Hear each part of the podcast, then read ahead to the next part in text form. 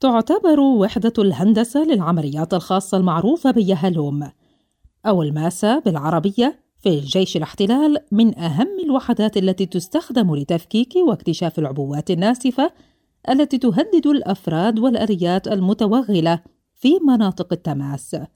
كما ويدخل في ضمن مهامها اقتحام الأنفاق والممرات الأرضية.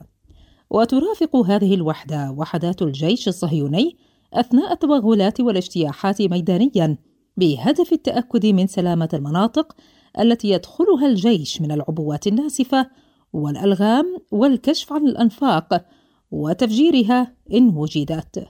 وقد زاد اهتمام الوحدة بمسألة الأنفاق الأرضية بعد الحرب على لبنان في العام 2006 والحرب على قطاع غزة في العام بداية 2008 ونهاية 2009 وقد استمر أكبر وأوسع تدريب لها ولمدة 16 شهرًا في منطقة في عمق منطقة النقب حيث جرى إنشاء أنفاق تشبه تلك التي توجد في قطاع غزة ولبنان.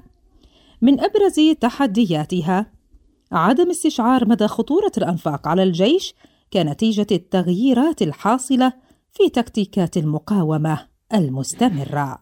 نجاح مسلم لشبكة أجيال.